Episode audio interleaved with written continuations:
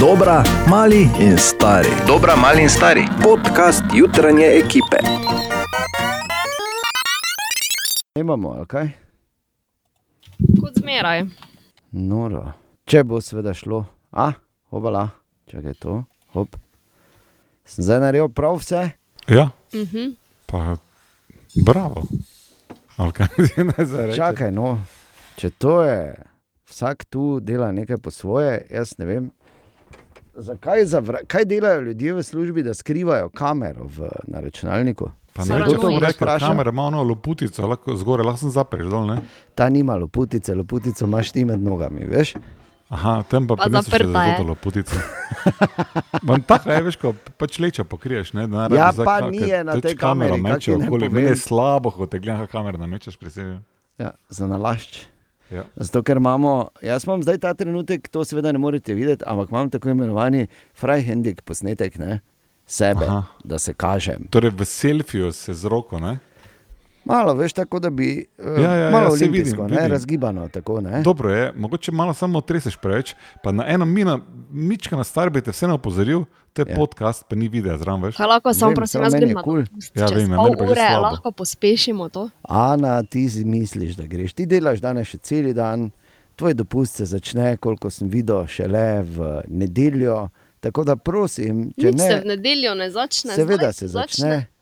Dobro, pol pa se začne jutri, danes še nimaš dopusta, in do večera bomo mi lepo počasi snemali ta podcast, da boš ti lahko Ziher, dolgo ja. rezala. Ja, objavljala. nekoga v stran. No, če, če rabite, da, da nekdo govori dolgo, pa da ne Ne, laga, ne, premislil sem potem si, ker si začel, pa mi je slabo postalo. Ja. Tako da, um, je samo nič. sketne ne spusti. Imaš Olimpijske eno igre zgodbo o so. tem, kako je enkrat šel na dopust, ne? Joj. Pa je se obstaja ful veselil dopusta, pol je prišel Zakaj pa tja, pa je bilo miksera ful tu? slabo vreme. Vidva veta, da imam jaz knov, da izklopim. No, pa to smisla. In tu so najboljši dosežki zadnjega jutra. Uživaj, uživaj, Ana, na dopustu. Pa da bi čim več pojedla. Uživajte vsi, samo da bi se fajn imeli in da še bi piknili kako medaljo na olimpijskih igrah tudi v naslednjem tednu. O, ja. Srečno! Srečno tebi. Arijo. Dobro jutro še enkrat. Dobro vsem. jutro. Dobro Po, jutro. ponedeljek, 26. juli, olimpijske igre v Tokiu. Yes. In uh, preden gremo uh, k aktualnim uh, dogajanjem, vsemu, kar se je že zgodilo danes, ne na zadnje imajo v Tokiu srečo ali pa smolo, da so sedem ur naprej, uh, tako da tam je zdaj že ravno pač jejo tisti pohani riž ali kaj je zagosilo podjetje. Uh, torej, uh, v Tokiu včeraj je zagotovo največja senzacija, da je ameriški Dream Team v košarki, oziroma to je bolj pod narekovaji, zgleda, izgubil prvo tekmo proti Franciji. Francozi so jim uh, naribali na tanko. Uh, kakršen koli sir je že bil, je bil zagotovo za plesnijo. Uh, ampak v vsakem primeru, in da tako, ki američanom ni pasala. To je bilo zagotovo super presenečenje prvega dne. Uh, drugo presenečenje je bila uh, cestna kolesarska dirka za, žen, za ženske, kjer je nizozemka Anja Mik van Vleuten že mislila, da je osvojila zlato. Ampak so dejansko, ker na olimpijskih igrah, za razliko od ostalih eh, velikih dirk, nimajo radijske zveze, ne smejo imeti ne, kolesarji tistih slušalk v ušesih. In so nizozemske, poza nizozemke pozabile, da je pobegnila Avstrika Ani, Ana Kisenhofer, ki je že bila v cilju. Ja, zelo hecno. Ne, ti moj, kakšne zve zgodbe piše, ne, te olimpijske igre. Ne. Nikoli ne pozabi na Avstrica, ki ti pobegne. Ne, tako da super zgodba. Uh, in je Ana Kisenhofer je res naredila odlično, odlično stvar včeraj v uh, kolesarstvu. Včeraj tudi smo gledali prvič skajtanje na olimpijskih igrah. Jaz sem gledal celo, celo tekmo za moške in bilo je vrhunsko vrhunsko, tako da, da bi bil 25 let mlajši, bi si danes leto porolko. Tako pa, ker sem na tem, da bom rabo umetne kolke, tako dvor, verjetno No. ne bom. Ne? Okay. Uh, sicer pa danes uh, so že bili v akciji nekateri naši športniki in sicer Uh, Bojan Tokič je zmagal proti Pucarju in se uvrstil v tretji krok na mizno-teniškega turnirja. Um, izjemno dobro je odigral in zmagal 4 proti nič, tretji krok je mimo grede že uvrščen Darko Jorgič. Uh, odlično je nastopila tudi judoist, judoistka Kaja Kajzer, ki se je v kategoriji do 57 kg že uvrstila uh, v drugi krok. Danes ob 6:40 minut, torej čez pol ure, pričakujemo, uh, torej težko pričakujemo, če smo natančni, naše košarkarje končno prvič v akciji na olimpijskih igrah in sicer proti Argentini. Naša prednost je to, da igramo skupaj, igramo kolektivno, povezano. Igravci se zavedajo, kdo je naš ustvarjalec in kdo je tisti, ki potem uh, spremlja. In, uh, če žoga zakroži na tak način, kot ko je do zdaj zakrožila, če v obrambi igramo na, na tak način, kot smo zdaj, se pravi kolektivno, borbeno, požrtovalno, je to lahko potem naš uh, ključ do uspeha. Tako je seveda povedal selektor Sekolič pred današnjim obračunom, ki ga bomo seveda sproti spremljali, tako da vas bomo sproti obveščali o tem, kako gre našim košarkarjem. Ob sedmih se začne polfinale kanuistov na divjih vodah, kjer je danes naš glavni favorit za medaljo uh, Benjamin Savšek. Njegove tretje olimpijske igre so to dvakrat je minimalno zmagalo in verjamemo, da bo Benijo tokrat v tretje, ker vemo, kaj pravi stari pregovor. Tretje gre rado. Ja, to je eden od njih. Uh, da bo seveda Beni v Tokiu, pa le uh, si nadel medaljo okoli vratu. Danes še en Mariborčan v akciji, Žan-Luka Zelko, ki bo uh, ponovno jadral v razredu Laser. Tri regate bodo danes odjadrali, pa plavalka Katja Fajn, prav tako naša Mariborčanka bo nastopila v kvalifikacijah na 1500 metrov prosto, Janja Šegel na 200 metrov prosto in uh, seveda bomo tudi vse nastope teh naših mariborskih športnic in športnikov podrobno spremljali. Uh, sicer pa, uh, kaj še ne rečem, juhu za olimpijske igre. 11 minut čez 6 manj kot pol ure do začetka košarkarskega obračuna med Slovenijo in Argentino. Dobro jutro. Dobro jutro. Dobro jutro.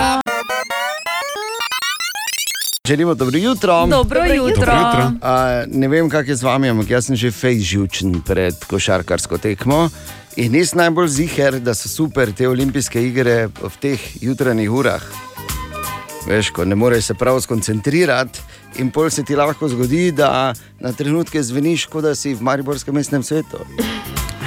Ampak eh, da čas hitreje, hitreje mine do, do, uh, do tega, da se začne, torej te dobre tri minute. Naj samo spomnimo, da je danes, to moram reči, jaz ti seveda mi je povedala Katja, uh, dan tet in stricev. Tako je. Je, ne? Ja. In zato na našem Facebooku označi svojo najboljšo teto uh, ali pa še bolje strica.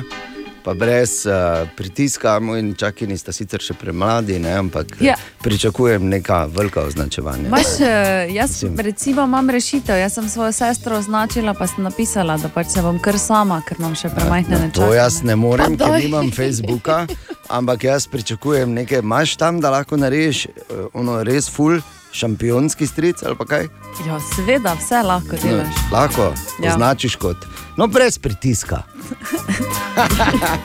ne, ampak čisto se res dan tet in stricev je, tako da uh, svojo teto, svojo stric, svojega svojo. Svojo strico. E, glej, se je bila nedolgo nazaj, pa rada ponosa. A, svojo teto ali svojega strica, kakorkoli že, uh, označi in uh, na ta način pač pokaži. Še enkrat, brez pritiska, samo kdo ni označen, se treba bolj potruditi, žal. Ena od treh, treh, treh. Jutranji sprehod po zgodovini popularne glasbe. In danes je 26. juli, eden od tako imenovanih detkov rock'n'rolla, danes praznuje svoj 78. rojstni dan. Mick Jagger, uh, pevec skupine The Rolling Stones, pa še seveda vse živo. Mick Jagger, ki je star 78, pa še vedno skače po odru, kot da je jaz prisežem, da sem denimo skoraj pol mlajši, kar ne bi mogli za vse v naši jutranji ekipi trditi. Uh, in uh, ne bi mogel, niti približno tako, Bog ve, kaj ima on za en koktejl, ki mu ga špricnejo, preden gre na oder. Ne? Ampak vseeno, Mik je. Uh, ikona, zagotovo, in eden najpomembnejših glasbenikov v zgodovini popularne glasbe. Um, in je zdaj ravno mogoče zanimivo, glede na to, da uh, teče košarkarska tekma med Slovenijo in Argentino, kjer Slovenija vodi s 15 proti 11, mimo grede v prvi četrtini. 16 že. 16 že, hvala lepa, Ja, Katja, ker ti si pa res fajn. Mislim. A, eh, da je Mick Jagger, ki je bil mali, igral košarko in si je odgriznil uh, špico od jezika in ga dol pojedel. Tako da, če smo mislili, da je Ozzy Osbourne bil posebnež, ko je snifal mravlje, pa odgrizno uh, netopiro glavo na odru, živemo, ne, je uh, Mick Jagger šel malo še dalje. Ne. Tipičen primer uh, avtokanibalizma je bil to. Ampak zaradi tega uh, je imel tudi, oziroma ima uh, tak specifičen vokal, kot ga ima. Uh, Mick Jagger, torej, danes ne bomo toliko o Rolling Stonesih, kajti tudi na svoji solo glasbeni poti je imel številne hite, hite kot so bili denimo Sweet Thing.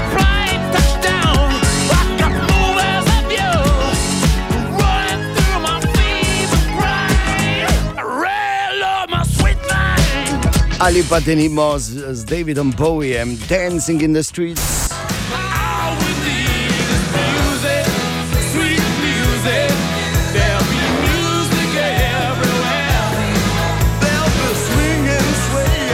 Ali pa denimo, meni je ena od njegovih najljubših solo, Just Another Night.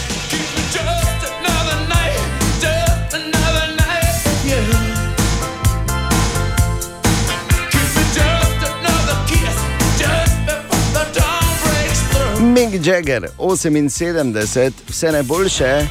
Kaj misliš, kaj on dobi za rojstni dan? Kaj lahko on dobi za rojstni dan? Eh, Imam pa 24 red, ur da za mira. javnost. Kaj? Kaj? Ja. 24 ur mira. In tišina. On si, ne? on si lahko kupi toliko mira, koliko ga rabi, veš, verjemi.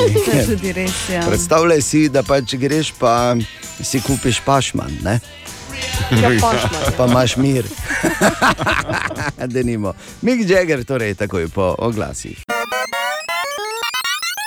Na japonskem druga četrtina tekme med uh, Argentino in Slovenijo. Slovenija vodi 37 proti 29, kar je super. No, na japonskem pa je tudi naš uh, posebni poročevalec, uh, sicer podpredsednik Olimpijskega komiteja Tomaž Barada, ki smo ga malo uzurpirali, zakaj bi šel na drugi konec sveta na taki dogodek, pa ne bi ne, kaj za nas povedal. Torej, Tomaž, najprej dobro jutro, torej po dveh dneh Tokio imaš zagotovo boljšo sliko že o teh malo drugačnih olimpijskih igrah, imamo tudi že prvo medaljo. Dobro jutro. Ja, zdravo. Jutro. Hitro. Je res je, da sta dva dni že za nami. Eh, lahko rečem, da še vedno govorimo o igrah, ki jih nismo vajeni, oziroma jih ne poznamo.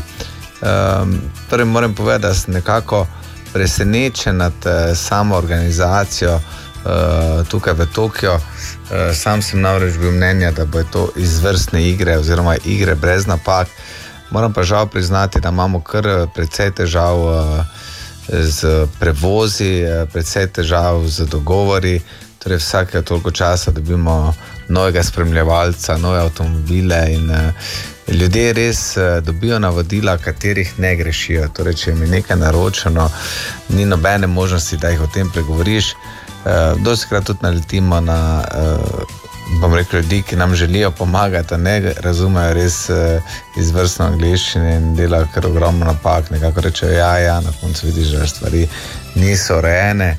Uh, lahko povem samo to, da sem eh, bil prepričan, da je bil sklenjen dogovor, da gremo na ekipno dirko z kolesi. Na koncu se je zgodilo, da tik pred odhodom, torej 20 minut pred samim odhodom na, na dirko, katera je bila omaknjena 200 km stran iz uh, našega hotela.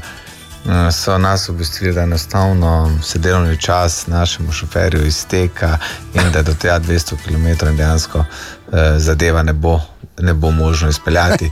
Ta, takšnih eh, stvari se nam dogaja kar precej. Uh, je pa še vedno dejstvo, da športniki so zaprti v vasi, nimajo možnosti ogledov uh, samih tekmovanj, eh, nimajo možnosti izhodov iz vasi, le zgolj na njihova eh, prizorišča. Tako da bom rekel, da so to ene igre, ki si jih bomo zagotovo zapomnili kot drugačne, kot so bile vse do zdaj. Ja, definitivno. No, uh, apropo športniki, ko si omenil, smo slišali, da so recimo naši kolesari, razen Rogliča, seveda že vsi odšli domov. Očitno je tudi bivanje tam skrčeno na minimum, nobenega resnega druženja ali pa krajši, krajših počitnic ni za športnike. Ja, kot sem že v uvodu dejal, eh, so te igre drugačne. Torej, športniki takoj po končanem tekmovalnem delu eh, morajo nekaj v dve, dveh dneh zapustiti olimpijsko vas, eh, oditi iz samega prizorišča. Torej, za kolesarji smo imeli uradni sprejem na našem konzulatu, torej, tja je možno iti takrat, ko so športniki na odhodu in se ne vračajo več nazaj v olimpijsko vas. Tako da smo imeli sprejem za tri kolesarje, ostali samo Primoš Roglič, ki dejansko tukaj še ostaja za uh, kronometer. Uh, ja, fanti čakajo nove obveznosti, tako da tudi, tudi to je en razlog, da so tako hitro šli, ampak glavni razlog je ta, da dejansko tukaj ne morejo ostati in uh, morajo zapustiti olimpijsko vas, takoj po končanem tekmovanju. In uh, športniki in bivanje, to baš pred olimpijskimi igrami, je bilo veliko govora o nenavadnih, uh, nekakšnih kartonskih posteljah. Ali so res take? Mislim, da so postelje res ena posebna zgodba teh olimpijskih iger, torej res so kartonaste, uh, bistveno trše kot uh, so tega nekako športniki vajeni. Ampak na koncu je to ena izmed anegdot, katero se bodo zagotovo spominjali. Torej, športniki spijo, uh, ni nekih velikih pritožb, dejstvo pa je, da so iz kartona in da so drugačni, kot so jih bili do sedaj vajeni. Tako da jaz mislim, da to je ena posebnost, taka, ki jim bo ostala zagotovo v spominu. Absolutno, Tomaš, se je zgodilo kaj tako zanimivega, kar bi delil z nami? Moram samo dodati še to, da včeraj ob spremljanju rekel, vrhunskega dvoboja v namiznem tenisu med Darkom Jorgičem in eh, španskim nasprotnikom, ki je res bila vrhunska borba vse do konca, odločila se v zadnjem setu, na koncu zmagovalec naš, naš Darko. Uh, sem imel kar eno veliko čas, da smo dvoboj se ogledal skupaj z legendo namiznega tenisa, stare Jugoslavije, bivše Jugoslavije in eh, tudi Hrvaške, Zoranom Primorcem, ki je vsekakor legenda, legenda namiznega tenisa. No, kasneje se nam je še pridružil naša legenda, slovenska legenda eh, Miro Cerar in ob eh, pogovoru nekako nama je obema dal vedeti, da je ravno v tej dvorani leta 64 postal olimpijski prvak. Hmm. In nekako, ko je to spregovoril, ko je to povedal, so me preletela res posebna čustva. In uh, ko se zavedaš, da imam, imamo v Sloveniji, oziroma jaz sem v dani situaciji imel ob sebi človeka, takšno legendo kot je gospod Cerar. Uh, da je bil leta 64 v tej isti dvorani olimpijski prvak. Mislim, to je nekaj neverjetnega in stati v takšnem človeku in hkrati ga imeti za vodjo slovenske reprezentance, vodjo ekipe, je vsekakor posebna čast in lahko smo ponosni, da ga imamo. O, absolutno, gospod Cerer je vrhunska legenda, olimpijonik. Tomaš, hvala lepa za tvoj čas. Pozdravi nam vse v Tokiu, če te bodo razumeli in pa se ponovno slišimo jutri. Hvala tudi vam, jaz pa si močno želim da vas jutri ponovno razveselim z kakimi dobrimi novicami, z kakšno novo medaljo v slovenskem taboru. Lep hvala, dan. Hvala lepa, Tomaš Barada, torej iz Tokija. O, Tine! Tine, dobro jutro. Ja, dobro jutro. Dobro jutro. Dobro jutro. Ko smo se na zadnje tako videli, je bilo drugo okolje. Ne? Pa bolj drago je bilo. Res je. Ja, no, Jaz sem rekel, ti ne haprit, ali ja. nekaj tega. Ne? Bila celo uganka. So ugotovili takrat? E, presenetljivo in e, preveč jih je ugotovilo. A, okay. Torej, si pravega šveda našel za to vprašanje. ja, Tipičnega. Tine, kaj imamo tu? Uh, ja, zdaj na hitro, dokler je pol cajt mes. Tako, tako zdaj se lahko posvetimo. Lahko, uh, in sicer, pazi to, beseda mami hlapi na tapej je beseda, ki je mimo grede tudi v Guinnessovi knjigi rekordov kot najobsežnejša beseda in jo, ne, in jo je najtežje prevesti. Mami hlapi na tepej. Mami hlapi na tapej. tapej. Zdaj, kaj to recimo tako približno pomeni? Pomeni eh, tisti moment, ko se dva gledata iz oči v oči, v upanju, da bo oni drugi storil to, kar si oba želita, vendar eh, noben od njiju ne želi biti prvi.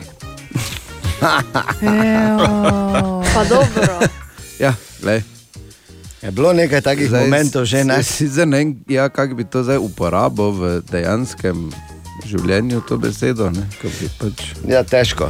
Ker večkrat je, da je bil bolj enostranski, mami na hlipita po tej, ali kaj že to. Recimo, to, se, to se zgodi doskrat. Ja. Ja, zelo zanimivo ti ne. Veš, kako hitro lahko mine, ne? časa, zdaj počasi že gre k koncu. Malo je neka dolga beseda, pa tak, tako je drugače. De, kaj? Tak, hej. Hvala, adijo. je to. A, ok, po švedsko, pozabil sem. Aha, aha, aha, aha, aha, aha, aha efekt. Bor pa v High Effectu danes odgovarja na vprašanje uh, poslušalke Katje, ki jo zanima, ali je res, da starejše ljudi bolj zebe. Ja, žal je absolutno res, zato ker bolj ko se staramo, bolj počasi nekatere stvari funkcionirajo, vedno slabše. Tudi cirkulacija v telesu, zato ker eh, naše krvničke rdeče izgubljajo elastičnost, je malo bolj počasna. Eh, Še hujše je pa to, da je naša koža vedno bolj tanka in tudi starejši ljudje, res starejši ljudje, vemo, so tako kost in koža, ne nimajo več te plasti maščevja. Vse to prispeva k temu, da jih je um, hitreje zazebe. Kar pomeni, da če sem jaz prav razumel ta nasvet, treba biti fajn debeli. Tako da Ja, ja, na tej točki Ja, glej. čestitke, tebi Res ne je. tako hitro zeblo. Absolutno. In me tudi ne, za razliko, če pogledamo po studiu, sem pa tja, ne? Katja, ne, Ana, ne Bor. Bor tak čudežno, ti se tako moraš počasi začeti eh, prekrivati z nekim posebnim polvinilom, ker imaš tako tanko kožo. da, ne boš, da ne boš odnotri vum padel, kot se reče. Medtem pa naši vodijo 79 proti 52. Yes. Ne bi rekel, ampak eh, kot kaže, se obeta ena resna demontaža argentinske košarkarske reprezentance. Ali tudi vi pogosto totavate v temi? Aha efekt, da boste vedeli več. In kot kaže, drage dame in gospodje, bomo priča prvi zlati medalji za Slovenijo na teh olimpijskih igrah, kajti pravkar je na progi eh, še zadnji in sicer francos Tomas, ki napada čas Benija Savška v slalomu na divjih vodah v Kanuju, ampak eh, pri prvem mestnem času je že zaostajal za eh, več kot sekundo, seveda se to da vse nadoknaditi, zdaj se približuje drugemu merjenju mestnega časa, tu pa zaostaja že za oj. Ojoj, tri sekunde in pol, in mislim, da je jasno, drage dame, spoštovani gospodje, prva zlata kolajna za slovensko reprezentanco. bo šla v Tokio. olimpijski prvak. Neverjetno. Peni Savšek, torej res vrhunsko. A, zdaj Tomas torej prihaja v cilj in jasno je, imamo zlato medaljo, drage dame, spoštovani gospodje, druga medalja eh, v tretjem dnevu olimpijskih iger, ampak eh, po bronu Pogačarja, zdaj najžlahtnejša in sicer zlata. In osvojil jo je kanuist, ki ste ga morda opazili tudi, da je ne, ne ravno naš zunani sodelavec, ampak naš dober prijatelj, ker ima običajno, ko niso olimpijske igre, tudi Radio City na, na čeladi, na veslu, ampak Beni Savšek je res vrhunska, vrhunska vožnja. Ko je odpeljal in prišel cilj s petimi sekundami in pol prednosti, je bilo res eh, vrhunsko, zdaj pa. Zdaj pa je točno to po dveh neuspelih, eh, ko je za malo zgrešil olimpijsko medaljo na prejšnjih dveh olimpijskih igrah, pa zdaj v Tokiu še enkrat eh, potrditev tega starega, lepega slovenskega pregovora o Radotu in tretjem.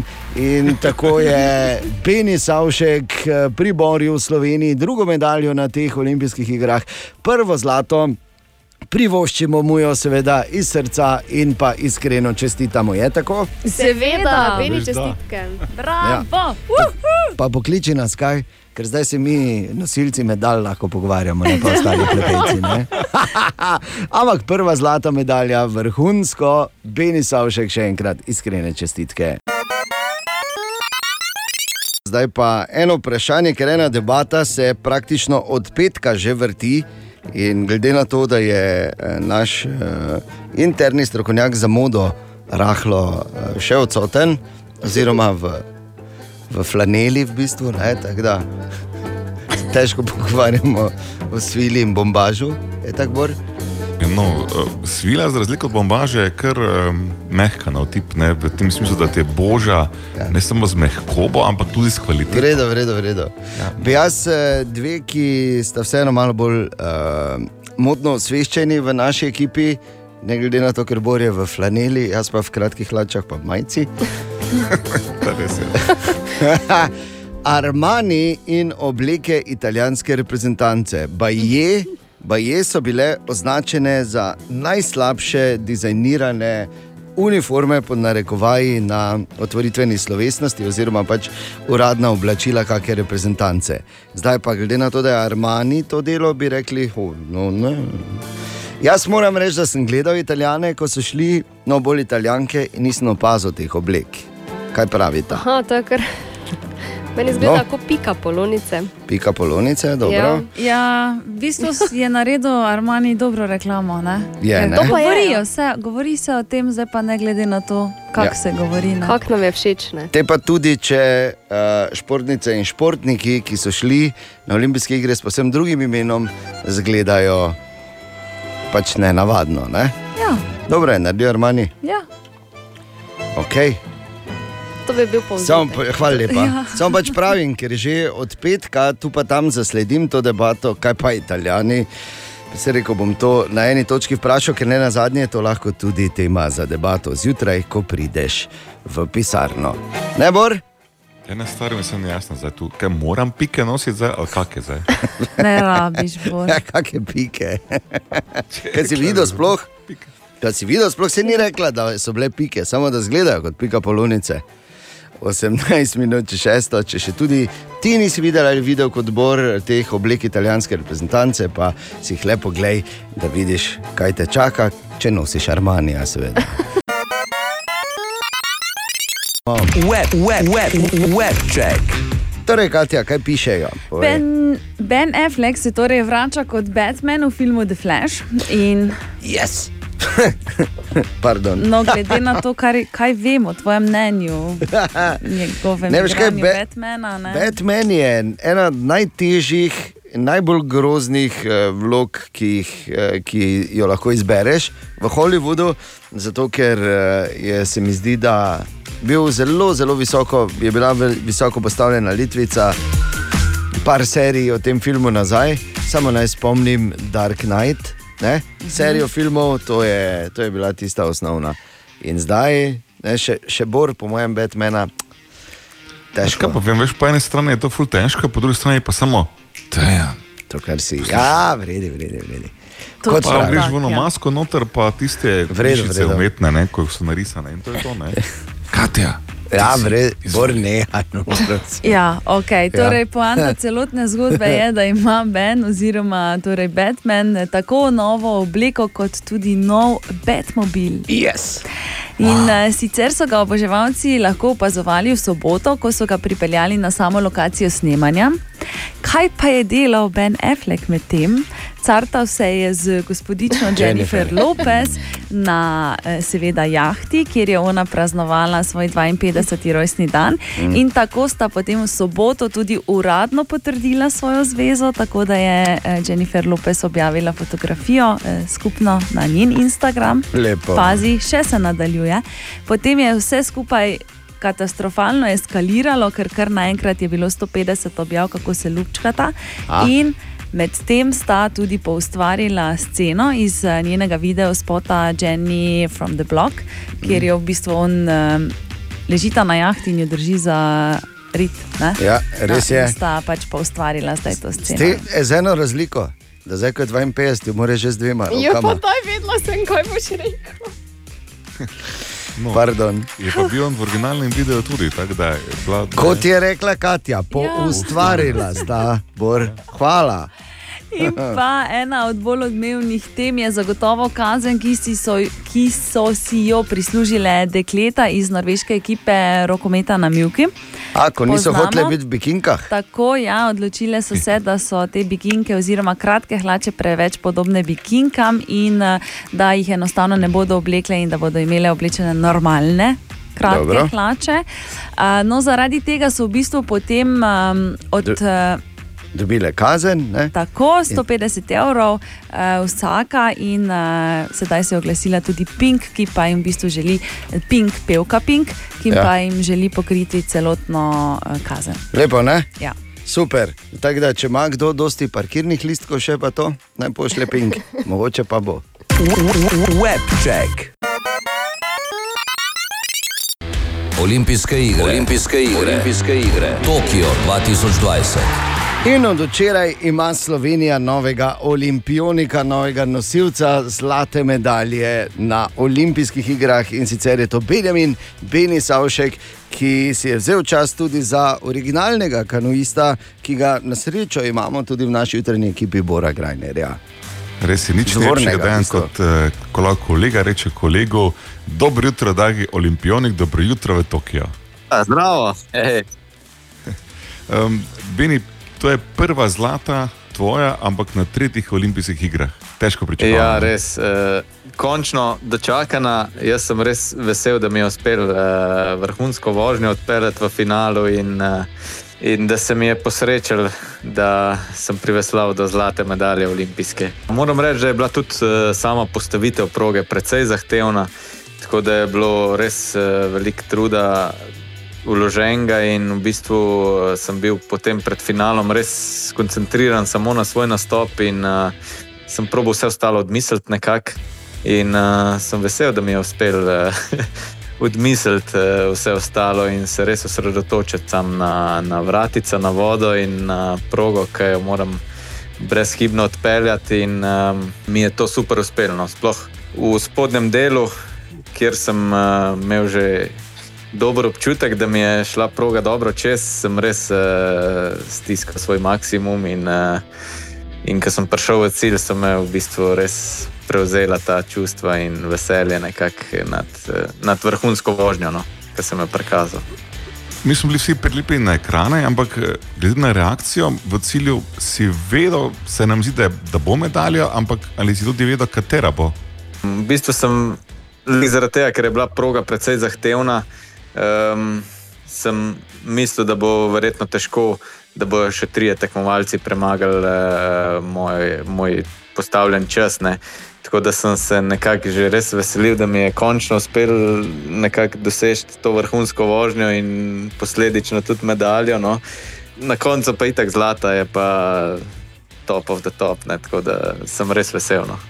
Ja, mi tudi, ker Japonci so fino postavili zastave, slovenske nasedi in potem na najvišji stopnički Benjamin Savšek, slovenska himna na olimpijskih igrah, neponovljivo, neprecenljivo. Ne? Uf, res je, ja, neprecenljivo. V bistvu sem res bil ponosen uh, na prvi stopnički in vesel hkrati. In uh, si ne bi upal iti zdaj še enkrat odpeljati takšne vožnje, no, ker ne vem, če bi jo še enkrat uspel skupaj spraviti. Tako da sem res vesel, da sem uh, tako vrhunsko vožnjo odpeljal. No. Takrat, ko je bilo najbolj pomembno v finalu. Ne. Ja, uh, sicer ni enako brez gledalcev, ampak nekaj slovencev pa se je našel potem tam na sami podelitvi, da se s tabo tudi živo veseli. Ne? Vsekakor, ja. tudi en izmed njih je Tomaš Barada.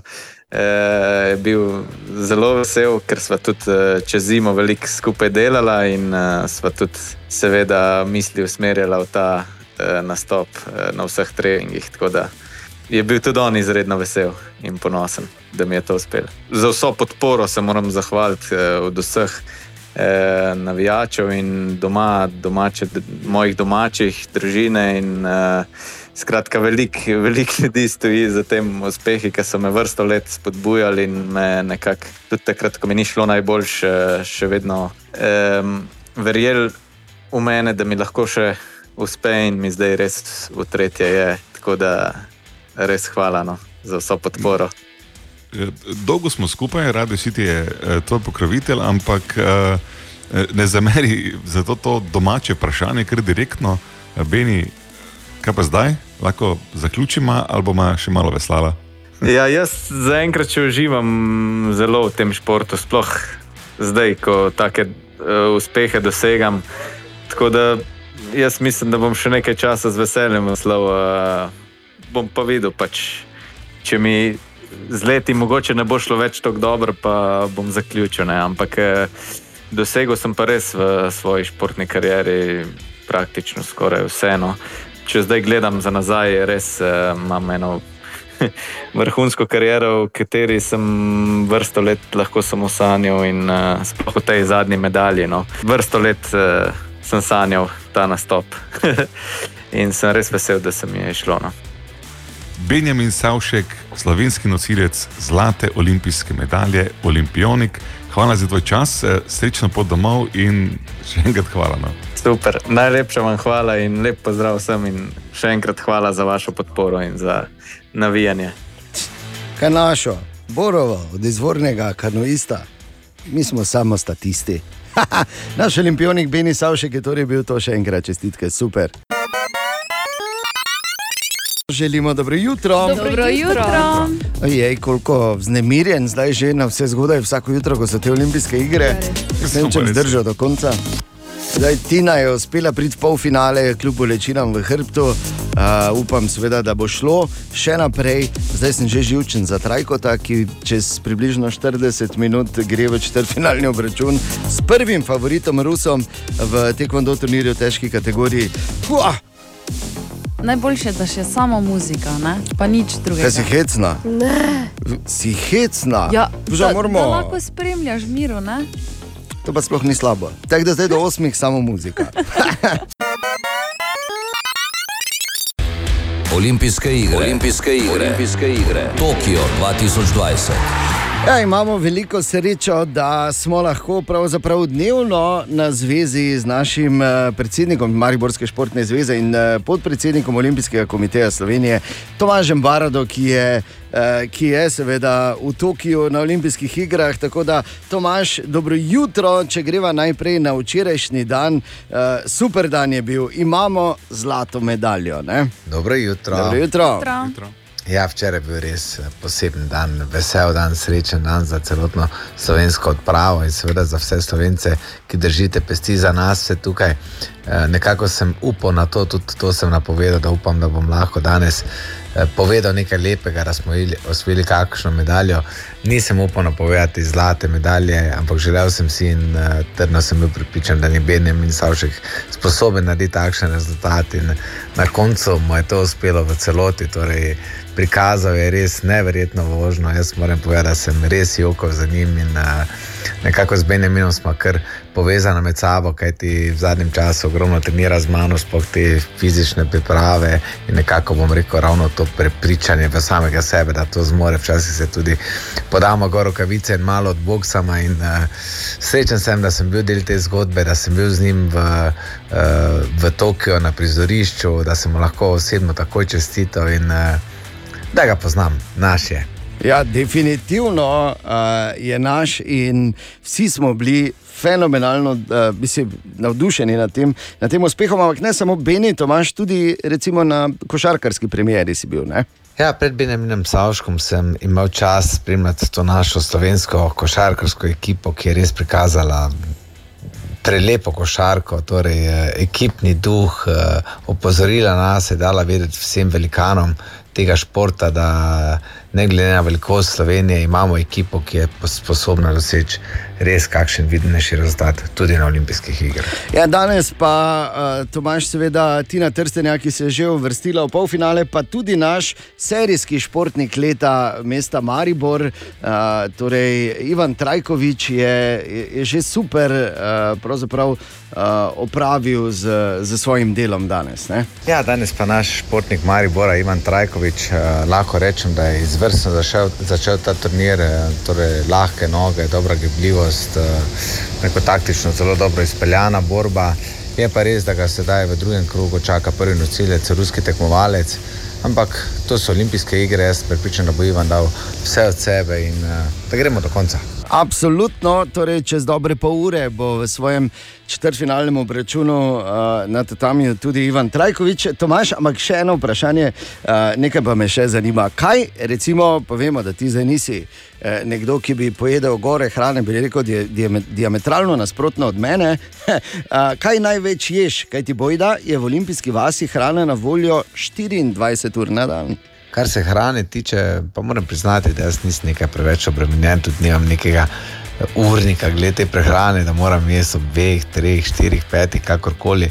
Jaz pa čem, ko imam čas za to. In, tako je bil včerajšnji dan, mi je nekako zmanjkalo časa, zjutraj sem pojedel zajtrk in še le kasneje zvečer ob 9. uri nekaj večerje. Torej, jaz imam vedno hrano v teh eh, eh, Olympic Family Loungih, poprijem samo tekmovanje, lahko tam imam, ampak ponovadi se za to ne vzamem časa. Kar se pa športnikov tiče v vasi, torej jaz ne bi bil v vasi, sem v hotelu. Uh, športniki pa imajo res prehrano cel dan, tako da mislim, da s tem nimajo težav. Je pa res, da upam, da probajo tudi kaj uh, japonskega, ne samo naše evropske hrane. ok, super. Uh. 24 ur na dan hrana na voljo, bor si predstavljaš? Težava, to bi bil resen problem, verjetno za vse nas. Tomaš, najlepša hvala, pozdravi nam vse v Tokiu in se ponovno slišimo, če ne prej jutri zjutraj. Ampak samo za en trenutek, če se še ustavimo pri tem, da je hrana na voljo 24 ur na dan. To si predstavljaj, v olimpijski vasi imaš pač te različne restauracije, različne kuhinje in posod samo greš, pa vzameš, pa rečeš, kaj boš. Zdaj vem, da je v zadnjih dveh, eh, oziroma eh, od Sydneyja naprej imam nekaj pač informacij, tudi McDonald's je noter, ne? med drugimi. In, eh, Samo greš, pa vzameš, samo toliko. Jo, Eh, Potem mogoče naslednje olimpijske igre rabili koga, ki ne vem, fotografira. Testira hrano. Karkoli mora Ja, delati, ja. eh, prosim, Da je zraven, ne? Tako, Okuša. tako, idi hitro uh, fizioterapijo študirati, pa si pa štiri leta uh, intenzivno Ne, delaj ne, ne, ne, nekaj takega bi zraven delala, bolj lahkega, veš, da bi imela več časa po kuhinji. Bolj lahkega, kot je samo blabi tam. Ne? Ja, ja. Ampak, Vidiš? Katja, prej gremo dalje. Samo en problem imamo za primerjavo. Ne? Torej, Ja. Ti rabiš na dan koliko kalorij, približno 2000. Ne vem, ne 2500. štejem. jaz 2000 tega. pa ona res ne rabi, 2000. Jih Uh, samo zaužijem, ali ra, rabim, rabim ne. jaz. No, okay, ne, ker Michael Phelps jih je rabo 12 tisoč na dan, samo zgodaj je malo več preplavov. ne. Ja, no, se zato pa ne, ne bom veliki strošek. Pravzaprav- Pravzaprav niti ne bi vedeli, da si. Ne? Tako, ja. Okay, super. Torej, eh, odštevamo do četrtfinalnega dvoboja Ivana Trajkoviča in smo veseli, da se je Tina Trstenjak uspela uh, uvrstiti v polfinale. O, Tine! Dobro jutro, Tine. Dobro jutro, Dobro Dobro jutro. jutro. živijo. Živijo. Povej nekaj, ker jaz sem čist že veš, sej. Toliko enih stvari se dogaja. Zdaj sem Ja. nervozen za Trajkoviča in njegov četrtfinalni dvoboj, ki se približuje in ima a, prvega favorita. In v četrtfinalu ni kakega Ja, in? repašaža ali pa kaj. Ne? Ja, in pa Saš prvič, pa drugič od, od Trstenjakove še celi bogi, ker je to, se, tako se tam predrne, pa hrbet, pa eh, za sodnika je dal dva, iz, dva No, pa izraza. ne rabi za zdaj sodni- vse povedati. ne, to govori. Ne bi jih ponavljal, ampak bilo je grdo. No. Ja, Ker no. pač ni videl dovolj hitro tega wasabi ali kaj že. Wasabi. Wasabi je. Wasabi je, ko boš suši jedel, boš imel wasabi zraven. Ne? Ste no, pa to je vazari. ne. Vazari, To bo pa, govoril lahko tam, pa da- da wasabi pač nekam biti. dobiš. Ti, ti Ja, bi no. ti pasalo, mogoče. Torej, Tine, Ne, hodil sem reči, pač bi rekli, gledaj, prvi favorit je bil, pa ga je ovoj položil. pa ga je zmazal, ne? Z lahkoto. okay. To me ne skrbi. Dobro. E, drugače pa, eh, da malo e, gremo stran od olimpijskih iger, čeprav e, mogoče, no, poslušamo, ne, da vidimo. Si se malo sam sam Sicer, ja. Dolgo si tudi z mano. Če e, vsak dan, namesto da sedimo ali ležimo, tri ure stojimo, Ja. ne, e, je v bistvu porabimo toliko energije, kot da bi 10 maratonov na leto prelaufal. Vsak dan. Ja. Torej, jaz, jaz ja. jaz dejansko uh, več kot deset maratonov na maratonec. leto ja, prelaufen. E, jaz sem tudi kar maratonec. Če se samo spomnim, koliko sem muzike presukal po noči. Sem, veš, kaj sem jaz? Mm. Jaz sem uni. Kaj že? bil? Ultramaratonec, prav je. Ultramaratonec, ko v breg laufa. Ja. Naj samo povem, da fajn bi bilo, če bi telo še sledilo. Ne, Ja, ne samo dobro, ti to, zdaj- izračuni. to so zdaj malenkosti, pusti to. Kak pa Bor je s tabo? Pol ure na teden. Na teden, držiš? Ne. Kdor molči, devetim odgovori, Bor. Mislim, jaz pač neki maratonec nisem, po v štartu bom rekel. No. Od nekdaj že ne. Od nekdaj že, ja, kaj čem se tu. Ampak zelo zanimiva informacija, res. Če pa še malo poskakuješ zraven, pa to pa je ne bo meja. Ja, pa ne. Trajkovič.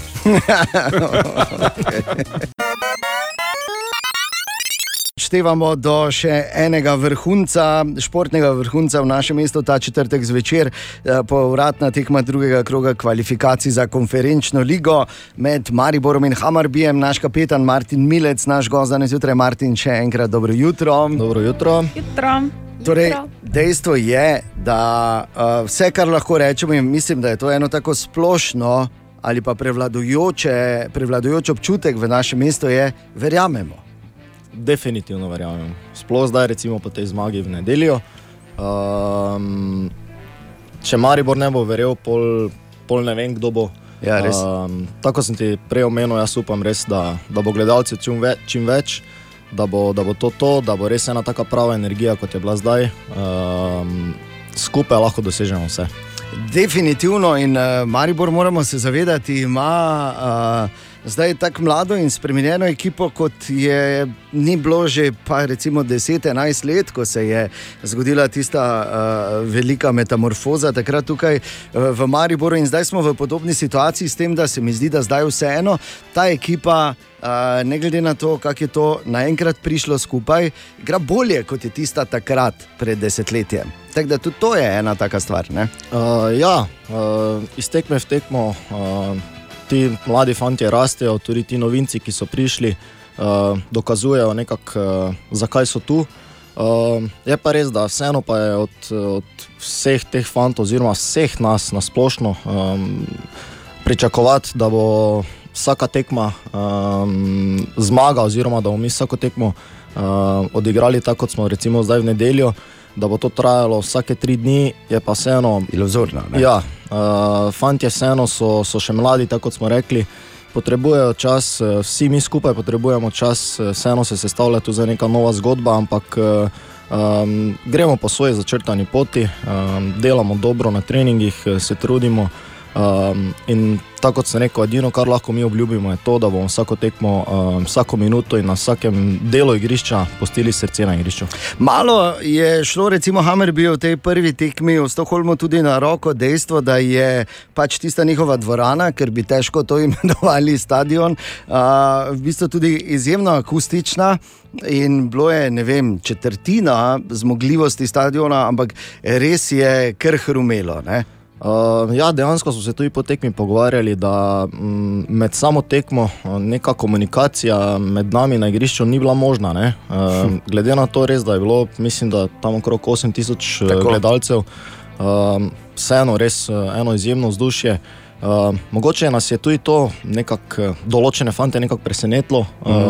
Um, bili malo mogoče pod nekim uh, pozitivnim uh, pritiskom, ampak. Uh, Jaz verjamem, da če bomo mi eh, koliko toliko napolnili v četrtek ljudski vrt, da bo to vseeno še nivo više. Absolutno, ker tako pa zna ljudski vrh, ker tu, tu pa moramo resno delati, da tako hrumi, ker tam pač je arhitekt poskrbel za to, da je peklensko vzdušje, ampak pri nas pa je res, eh, ko mi začnemo delati, je to potem tudi na igrišču ena druga zgodba. Ne? Ja, sigurno. Uh, vemo, kakšne ekipe so padale tu v ljudskem vrtu. Um, res da je zdaj zgodba malo drugačna, ampak vseeno. Uh, z pravo energijo, z um, res um, pravim vzdušjem, um, lahko ekipo samo dvignemo.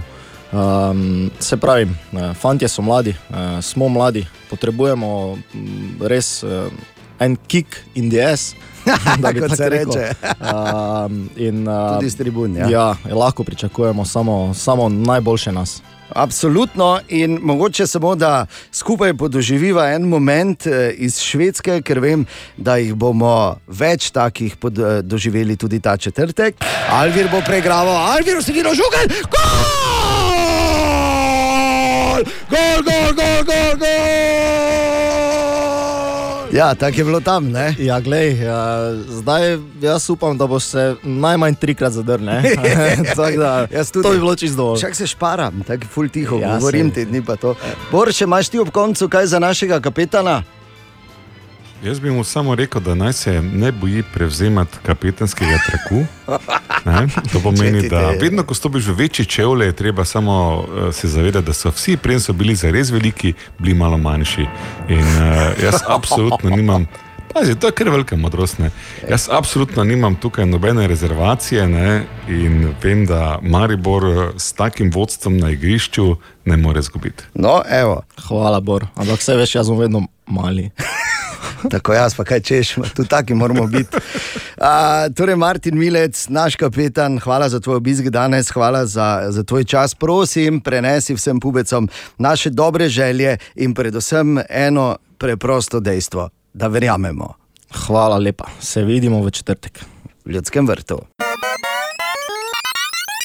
Morda priložnost, Bor, uh, da rešimo en, en, um, en diskurs, ki se pojavlja in sicer repesa, repasaž proti repešažu.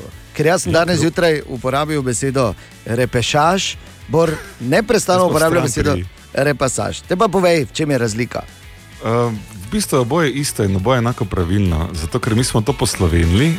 Repasaž, najprej ti povej, kaj je repasaž, je, da ne bomo tukaj v temi tapkali. to je v športu, ko pač dobiš drugo možnost, da izvlečeš zapravljeno uh, priložnost, ki si jo že imel. In ravno iz, izvlečeš ali pa vun poribariš, ali kako bi to po naši rekli, prihaja eh, izraz repasaž, ker prihaja iz francoskega repešaž, ki Ja, pomeni repešaž, ne. vun potegniti. ne. Zato tudi je repešaž. obo- ob- Ja, oboje je pravilno. ne. Pač vi, francozi, originalno izgovarjate, ne?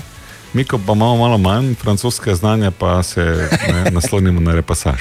Bi samo rekel tako, da samo upam, da to je v, v športu je super, drugače pa seveda želim tudi čez to poletje, da ne bi bilo prehitrega repešaža.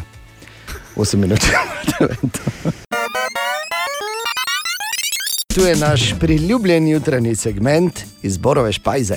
Bor. Dobro jutro, medtem ko vsi spremljamo olimpijado, navijamo, uh, švicamo, da je tako kle, zdaj te dni. Ja, vse delamo, ne? imam jaz absolutno diametralno nasproten problem. Moj največji problem trenutno je dojenje. Ha, od nekdaj, Bor. Bi samo rekel tako, da ko rečemo dojenje, morate vedeti, da pri Boru je vseeno malo drugačna zgodba. Namreč njega in njegova brata, ki sta ga na to zatajila, Romola in Rema je dojila vojku- vojkulja, ampak to je druga zgodba. V bistvu res je, ja, ker ne me narobe razumeti, dojenje je čudovito, naravno, sprva edina smiselna in življenjsko pomembna hrana novorojenega bitja. Ampak uh, moja žena Natalija je prevzela organizacijo festivala dojenja v Mariboru. In od tu naprej sami pritiski v eno. V eno, karkoli delam, je od zdaj, kaj zdaj, bomo v dojenju. Zdaj Ste že kaj povedali, se kaj dogaja? Tako Da, um, uh, kdaj je festival, Natalija, za začetek, spoh sami povej. Festival je 7. avgusta. Okay, hvala lepa. To vsega smo hoteli vedeti. Eh, Se vidimo. Imam pa samo še eno vprašanje eh, za tebe. Kako je možno, da mi, ne, ki bomo očitno Julijo dojili do 25. leta, ker ne znamo tega nehati, ne, zdaj pa festival organiziramo? Se ti ne zdi za malo skregano z logiko? Ja, Svetovna organizacija priporoča dojenje otroka do dveh let ali dlje. Ja, no, Julija dve. Ja, uh, in po razvojni stopnji, oziroma uh, otroci mm. na neki točki sami nehajo imeti to potrebo mm. po dojenju. Ja, vidim, ja. Okay. Hvala lepa, ne, toliko kredibilnosti. Jaz bi samo rekel, da Julija bo uh, sesala do smrti, to je zdaj meni da že jasno, več o dojenju pa na festivalu. Smo zdaj končali s pritiski? Mhm, do jutra. Okay. 7. augusta, torej naj samo povem, da to je samo še en primer, kako privilegirani so pravzaprav otroci proti nam, ki zares delamo. Oni imajo festival dojenja. Ako smo pred časom, ko sem jaz predlagal, da bi na trgu svobode kar napajalnike naredili, pa nič. Ampak dobro, glej, vse vreda, vsakemu svoje na svoj način. Ne le olimpijske igre, tudi futbal je tema v našem mestu te dni zagotovo. Povratni obračun drugega kroga kvalifikacij za konferenčno ligo med Mariborom in Hamarbijem. Težka naloga eh, čaka naše pubece. 3-0 so napisi, ki jih najdeš po mestu. Zakaj 3-0? Ker tako se uvrstijo dalje. Bravo, Ana. Pa pa Pa se to je mi to, ti spoznaš. Ne? Ti se spoznaš, to je. Uh, dolga leta si zraven gledala, pa poslušala doma, ne? zdaj pa Ja. se je obribalo. Nekje se mora poznati, veš, tako ali drugače. Pravilno. In uh, 3-0, torej, in predvsem sporočilo, da verjamemo, da je možno, in na tak način tudi danes, na nič 2, 290, 90, 90, proste stopnice za jutrišnji obračun v Ljudskem vrtu. Ampak ne samo to, pomembno je, da verjamemo. In včeraj, kar sem slišal pri Frasu popoldan, je bilo res, tako sem bil opala. Kaj te kdo te to kliče? Moj polbrat ali kaj? Pazi, poslušaj. Mi verjamemo, vprašanje pa je, ali ti verjameš. Halo, kdo je na liniji? Dober dan, torej pri telefonu, verjamem, vedno verjamem v Maribor, gremo, Maribor, gremo, kubec, jate, Maribor, Maribor, za Maribor in Boga. Tako, oj, oj. Huh. Ok, tadej, zdaj pa si me prijetno presenetil, zelo prijetno, prijetno. Tako da, Glejte, bravo. lahko smo nori navijači Maribora, vedno verjamemo v naše pubece, zdaj pa še bolj, ko je trener Rožman, sama mladina noter, to samo da gor strgamo, pa navijamo in to je to. okay. Tadej, jaz bi ti dal pol stadiona kart za to, kaj si zdaj naredil, ampak nimam te moči, tako da tadej dve karti pa sta tvoji in uživaj v četrtek, fajn navijaj, prinesi to energijo v ljudski vrt in mislim, da ne bo problema potem. Ne? Najlepša hvala, Radio City, gremo, Maribor, Gremo, Maribor, šampion! Evo, Bravo. tak je treba verjeti. In potem so možni tudi čudeži. Web, web, web, web check. Kaj pa pišejo, Katja? Kar nekaj prahu sta dvignila Mila Kunis in Ashton Kutcher, ki sta, Resno? ja, poslušaj, v nedavnem intervjuju sta priznala, da se preprosto ne tuširata vsak dan. Seveda, ker sta osveščena, v Kaliforniji ni vode. Pa dajmo. Sicer v bistvu sta oba povedala, da poskrbita za svoje intimne predele, no, da so vsak dan čisti. S pudrom. Ne umijeta si jih, no, ampak se pač ne tuširata. Mila si umije še podplate. Podplate? Ja, Ashton tega ne naredi, recimo. Tam pa se naštupata. Točno imamo te informacije, prosim. Tam pa se naštupata. Pa da ne, pa da okay. Včeraj je internet dobesedno ponoril ob novici, da je Paris Hilton noseča. No, čez noč je Paris v bistvu potem posnet, ja, pri 40 letih. Je pa tudi res, da je potem čez noč Paris posnela podcast, v katerem je povedala, da v bistvu resnica ni noseča. Mislim, da novica ni resnična. Da resnica ni noseča, je povedala, je bila. To je The Plot ne? Da, Iz novica. stavka v stavek je bolj zapleteno, resnica ni noseča. Ne. Kaj bo naslednje? Da rdeča ne pomeni nujno, da je sreča. Uh. Premalo kave, bom rekla. Torej, novica v bistvu ni resnična. Aha, okej. Vsaj še ni noseča. Najprej želi počakati na poroko, ker ima po meri narejeno obleko in želi pasati njo. Ja, pa še serijo bo posnela Pri- zraven. Ziher. Tako, tako snemala bo uh, v bistvu resničnostni šov, kako bo um, načrtovala celotno poroko. Pri 40-ih je malo več blaga šlo ne, kot pred 10-15 leti, ne bi kazano očitno.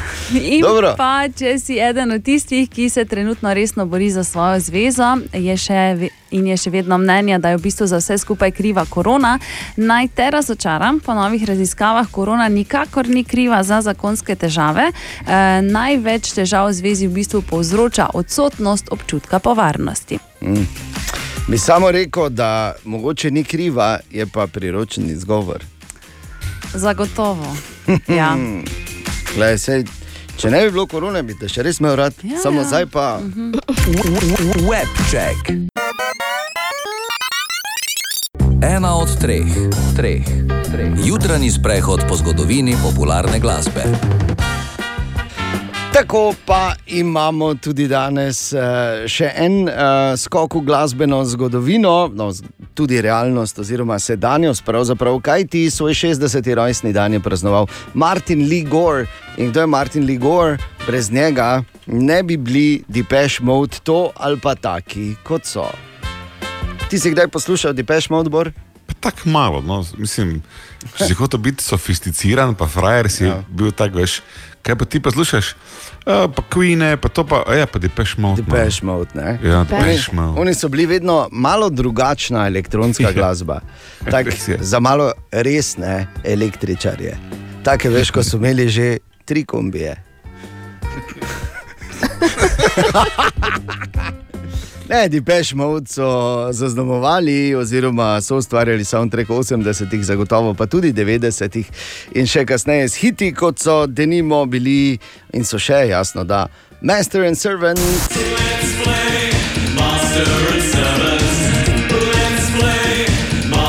A, pardon, Master and Servant. Ali pa People are People.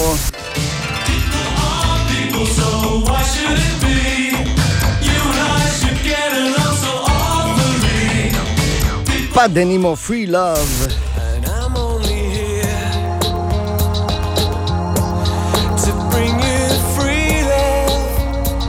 In pa seveda Enjoy the Silence.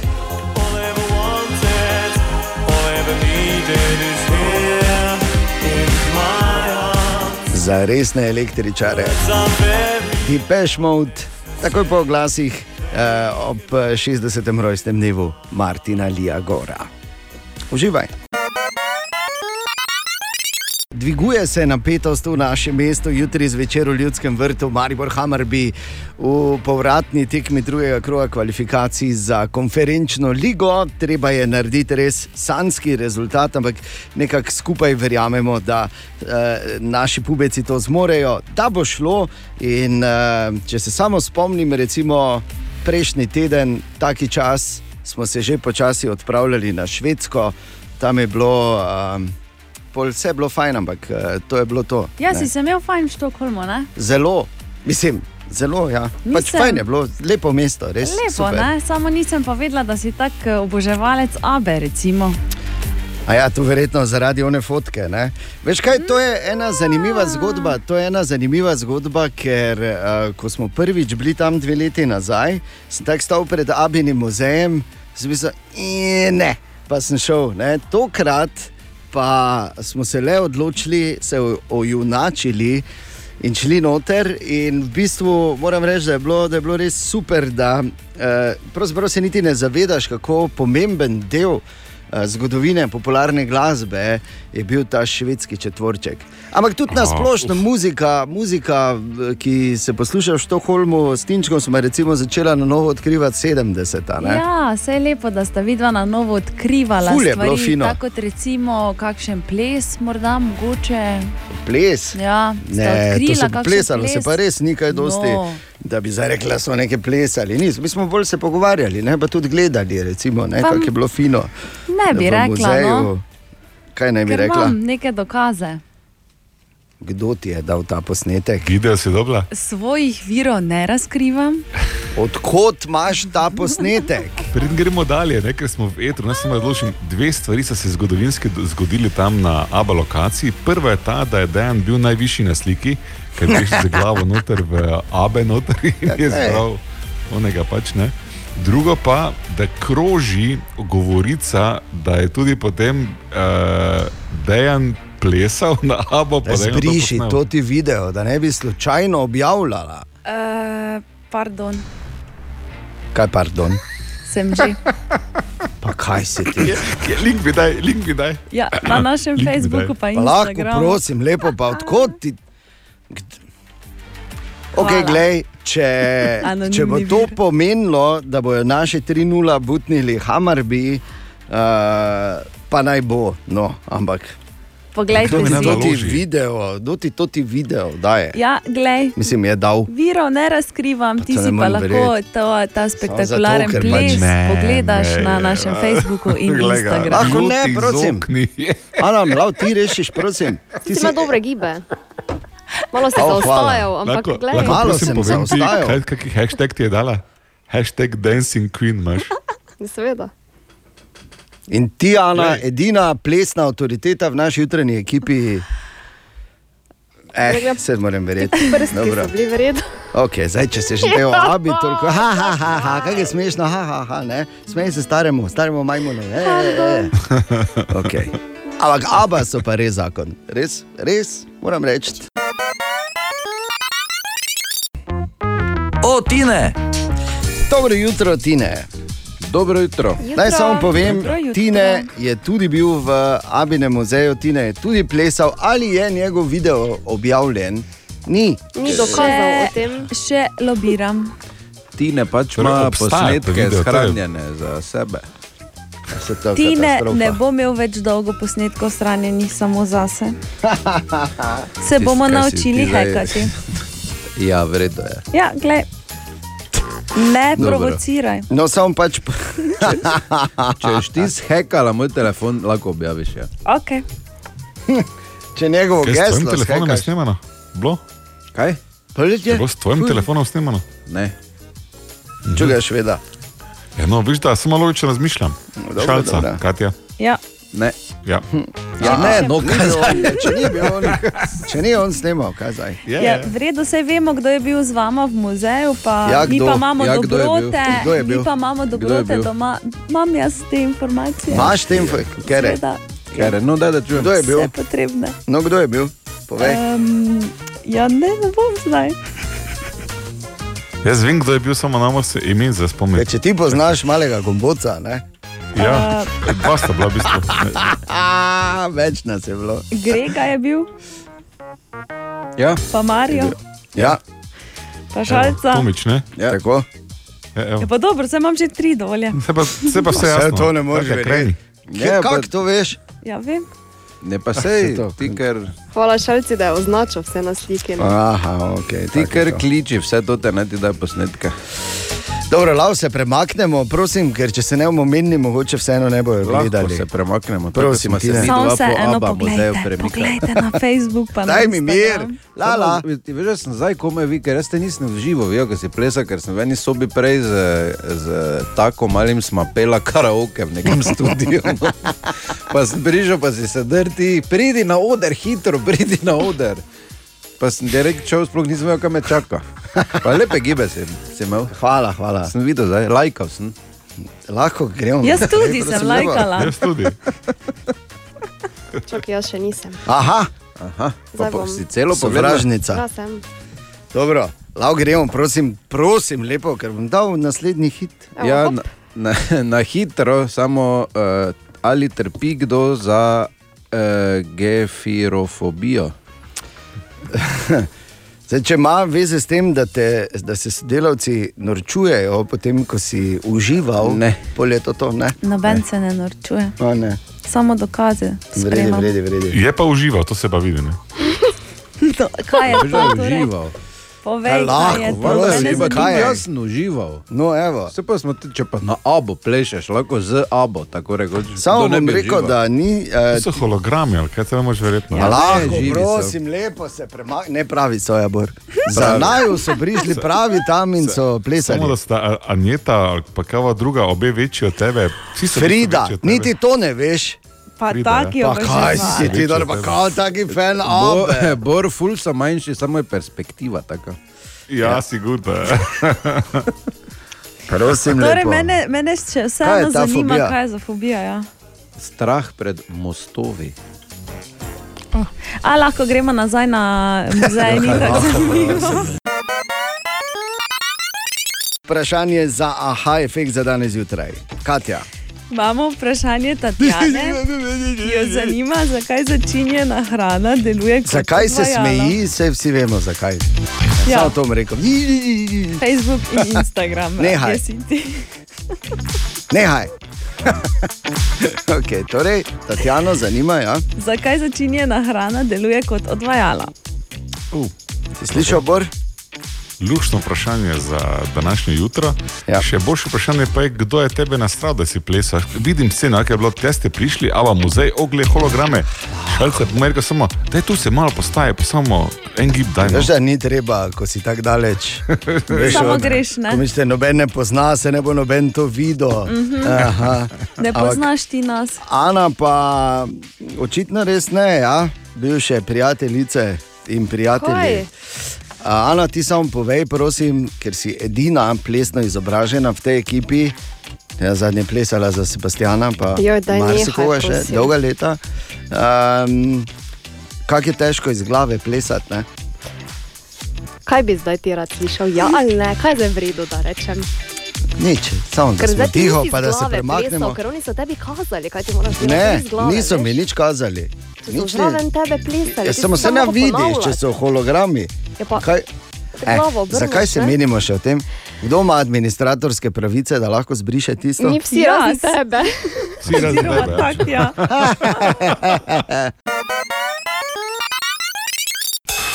Aha, aha, aha, aha, aha, aha, aha efekt. Bor in aha efekt. Na kaj že odgovarja danes Bor? Ne morem vse olimpijske, veš, le. Na vprašanje Tatjane, ki jo zanima, zakaj začinjena hrana deluje kot odvajalo. Torej, To, kar niste vedeli, je, da kapsaicin uh, sproži TRPV1 receptorje. ne. Dokaj zelo počasi. Kapsaicin vemo, ki je v čiliju. ne. Ja, Ja, Samo v Čiliju? forme. samo v Čilju. No, pa v, koliko jaz vem, ne, je to aktivna komponenta čilija in mnogih drugih stvari, ki pečejo. Uh, C18, H27, NO3, dejan. ognja tudi, torej, ogen peče. Zapomnil. Ampak to, kar je zanimivo, da imamo v črevesju receptorje, ki so jih pač poimenovali TRPV1, ne vem kdo je to poimenoval, ampak imel je slab dan. Skratka, kapsaicin te receptorje stimulira in kaj dela potem tvoje črevo, hitreje se giba. Ko se črevo hitreje giba, mi hitreje Tečemo. Proti. VC-ju. Tako. Tako. A, to je to. Yep. Lepo. Ali tudi vi pogosto totavate v temi? Aha efekt, da boste vedeli več. Želimo dobro jutro. Dobro jutro. Torej, Katja, Ana, Dejan in gospod dve sekunde v rondoju. Dve sekunde. Dve, se, dve sekunde Zelo slabo se to sliši. v rondoju, po zeleni vodi. Ne? Tako, duplek moj dom, vi pa se veš kaj, ne vsi, slikajte. Oj, duplek, moj dom. Kako si krasan. Ne, evo. Imaš petržil na vrti.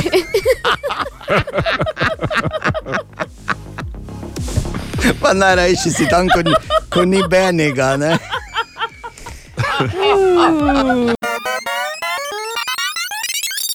Olimpijske igre, Olimpijske igre, Olimpijske igre. Tokio 2020. Samo še uh, Italijan, Gana in Švicar Künk morata priti skozi cilj in potem bo jasno, kaj ne matej.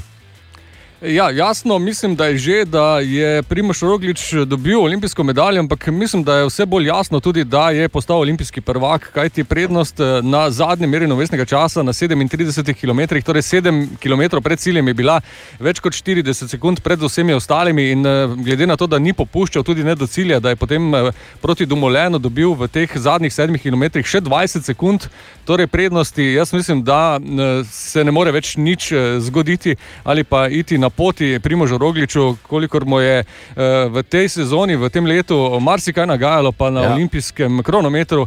Ni imel pravega tekmeca, pravzaprav tako močen je bil, tako suveren in tako je izgledal neverjetno odločen eh, na progi. Ves čas eh, ni kazal niti malo nekih eh, kančkov utrujenosti, vse skupaj je delovalo res brezhibno. In kot rečeno, trenutno ima pred Dumolenom eh, več kot minuto prednosti v cilju, Denis, Avstralec tretji minuto in štiri zaostanka.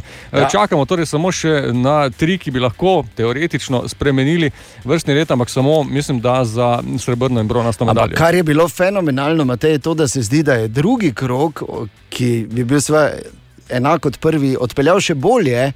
Čeprav bi moral biti bolj zmatran in po vseh teorijah bi moral uh, ga odpeljati slabše. In Na vmes, koncu je bila njegova povprečna hitrost preko 48 km na uro. Noro.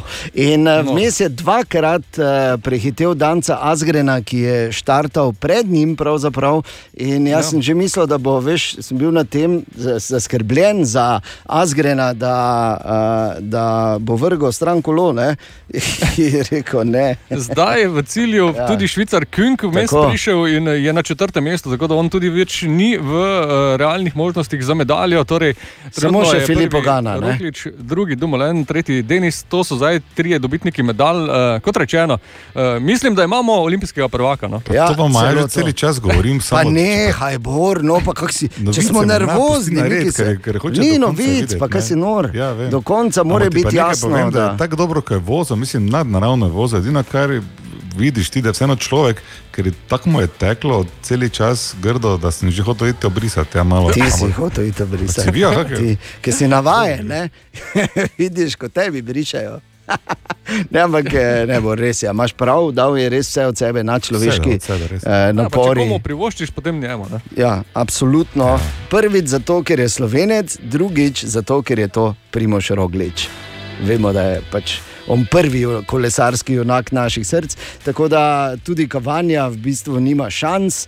In mislim, da, drage dame in gospodje, bomo lahko prav k malu, ko bo konec te dirke, rekli, Slovenija ima dve zlati medalji na teh olimpijskih igrah. Želimo dobro jutro. Dobro jutro. Dobro jutro. Veš, jak je to, to bo mogoče Bor najboljše vedel od vseh danes zjutraj. Še je to, ko si včasih šel, pa si srečal koga, pa je rekel, kaj je tiger, ki si. Vse si tiger, kak si tiger. A? Se ti je Ja, ja, ne. zgodilo že, ne, ki hodiš tiger. Kaj za tiger? Lega tigra, ne? kaj gre počasi šapicami. Kaj je tiger? No, to zdaj šapicem, pa počasi to si šel malo preko. Ne? Kaj je tiger, kak je rep? Ja. Ne? Kot se je reklo. Če kdaj, bolj na 29. juli, kajti danes je mednarodni dan tigrov. Oh. Tako da, tiger, dobro jutro. Web, web, web, web check. Torej, kaj pišejo okoli Katja? Pišejo o tem, da mora pevka Kelly Clarkson po novem nekdanjemu možu plačevati približno 170 tisoč evrov na mesec Preživnine. Za njega in za njena dva otroka. Seveda. To je logično, ok, za otroka nič ne rečem, ampak zakaj pa njemu? Seveda, se pa veš, kako se je on žrtvoval, da je ona bila tako uspešna. Ja, kaj, če bi bilo pa obratno, ne, da je moral on njej plačevati, pa bi bilo vse v redu. Ne? Ne. Seveda bi bilo. Ni, v nobenem primeru ni vredno, da moraš odrasli osebi plačevati preživnino. Ja, no, samo kako jo pa uničiš ti v letih, ko si, si, pri, ko si, si ga prisvojila, mm. -hmm. kako si ga uničila. Ja, ja. Recimo, ne, Kako Res ste si hipotetiz. Res bogi, vsi po vrsti gremo naprej, ker bolj to ni za Si zavedati. slišal provokatora, Bor? To To je- zdaj ni za Mene. kaj se dogaja v moji glavi. Dobro. Dobra novica, predvsem za mladoletne, prihaja iz enega trenutno najbolj razširjenih družbenih omrežij, torej Instagrama. Tam so namreč dodali novo pravilo in sicer profili mladostnikov, mlajših od 16 let, eh, bodo zdaj po novem avtomatsko zasebni, tako da jih eh, torej ne bo noben mogel videti tvojih fotografij, razen če ga res spremeš To pa je, med ja. eh, prijatelja. Ne, to pa zdaj zdaj, zdaj pa ja. res, to pa. Ja, no, Imam še eno boljšo zdaj, ker ne da imam se kaj proti temu, ampak na Facebooku, če nimaš kaj pametnega za napisati, naj napiši. O otrocih se pogovarjamo, bolj zdaj ne, ampak vredno, fajn je, da vsake dolgo časa. To je, veš, predstavljaj si skupino ljudi, vaški trg. Ne? Vaški trg in vaški veljaki imajo zdaj imajo debato in se pogovarjajo, ne vem, komu se je krava otelila, Ja. kak je ono, kak je tretje. Moje, moje zadaj je pa ena starejša mamika, ki se ti pa vsake toliko, ja, samo ko so Nemci bili. Ja, Ne? ja nekako tako je bilo za to. Fuh. In pa. Malo frana levstika, ne, da pač. Malo. torej, Karikiramo. ne? Ja. E, Strokovnjaki pravijo, da samo v Ameriki milijarde dolarjev dobitkov na loteriji letno ostane neizplačanih. In to se je skoraj zgodilo Nemki, ki je več tednov v torbici nosila dobitni listek za 33 milijonov evrov. Oh. Pazi, Ja, 33 milijonov. špilete lota, ker je ena proti 30. Ne, Našel ne, se v niti bi omiki. zdaj, ne, slaba umika. Zdaj bi mogel reči, eh, kak imaš puno kiblo doma ali pa kaj ne vem, karkoli, samo ga nima veze. z- Okay, Z loterijo, ja. 33 milijonov je nosila. Ja, ja. No, kasneje je ugotovila, sicer ni povedala, kako je ugotovila, ampak eh, je pa rekla ne, v svoj zagovor, da so bile številke popolnoma naključne in zato ni vedela. Mhm. dobila. Ja, no, super. Važno je, da je ugotovila. Res je. Še lepše bi bilo, če bi rekla, kako tu nekaj, pa bi tako big vrgla, pa Jo. greš ti zadaj, pa to pobereš. Ja, Ne? Mečite loto listke po tleh, jaz hodim po Mariboru. boš pobirala. Ja. Ja, okay. uh, bi pa samo še eno stvar povedal, če lahko pri tem webčeku danes. Izvoliš. Da sem zdaj, ko se pripravljamo na obračun med eh, Slovenijo in Japonsko v košarki, uh -huh. smel en zanimiv kader na TV Slovenija, ko so komentatorja kazali v, v komentirnici. In so Ja. vedeli, da se bo videla zadnja stran monitorja, zakaj za vraga niso praha pobrisali. Mar zato plačujemo naročnino, da prah gledamo? Katastrofa. Je- Res nemarno je spadlo, bom rekel. Ne? Webček. Ena od treh, treh, treh. Jutranji sprehod po zgodovini popularne glasbe. In tako se danes ustavimo pri še eni absolutni legendi in sicer svoj 58. rojstni dan bo praznoval Fatboy Slim oziroma Norman Cook. Kdo je Norman Cook? Fatboy Slim. Ja, ja. Prav, Bor! Z jezika si mi vzel. Lepo, lepo.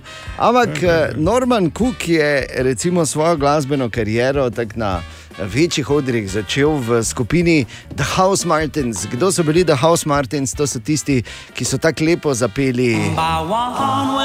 Stand up with pride. One that can't be denied. Stand up, stand up. From the highest mountain. Poznamo Caravan of Love. Kaj? Ste hteli ravno vprašati kolegici, če poznate naslov, ne? Kara, oziroma karavana česa je, to bi vprašal. Vse si pokvaril. Ja, no, kot običajno. Tak, če bi dobil evro za vsakič, ko sem to čul. Okay, torej, tu je začel Fatboy Slim, pa je rekel, uh, pol še pa enkrat zadnjič zapel, pazi.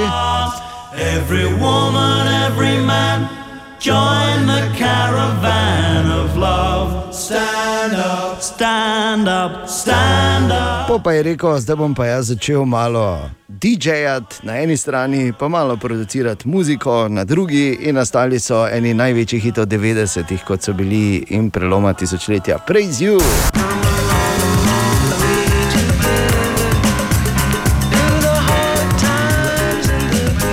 Ali pa ta z enim od najbolj legendarnih videospotov Weapon of Choice.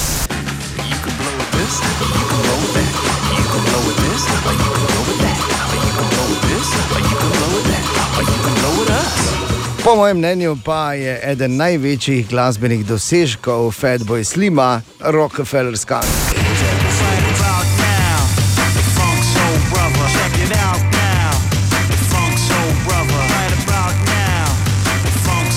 Morate vedeti, ko je ta hit ven prišel, to se je čulo, kot da je to heavy metalec v neki elektronski glasbi. Ne? Tako da res je bil svež veter, takrat Fatboy Slim izjemen in glede na to, da praznuje svoj 58. rojstni dan, ni debate. Rockefeller Skunk, takoj po oglasih. Narečja so zakon. Ha, kva, koga, kaj? Ma ne razumem. Tako pravimo pri nas na radiju City Marko, kaj smo na zadnje iskali. Dobro jutro. Zdravo jutro. Na zadnje smo iskali narečne verzije te povedi. Otroci so tekali okoli hiše in poteptali vse rože. Dober dan, Alenka iz Tricete.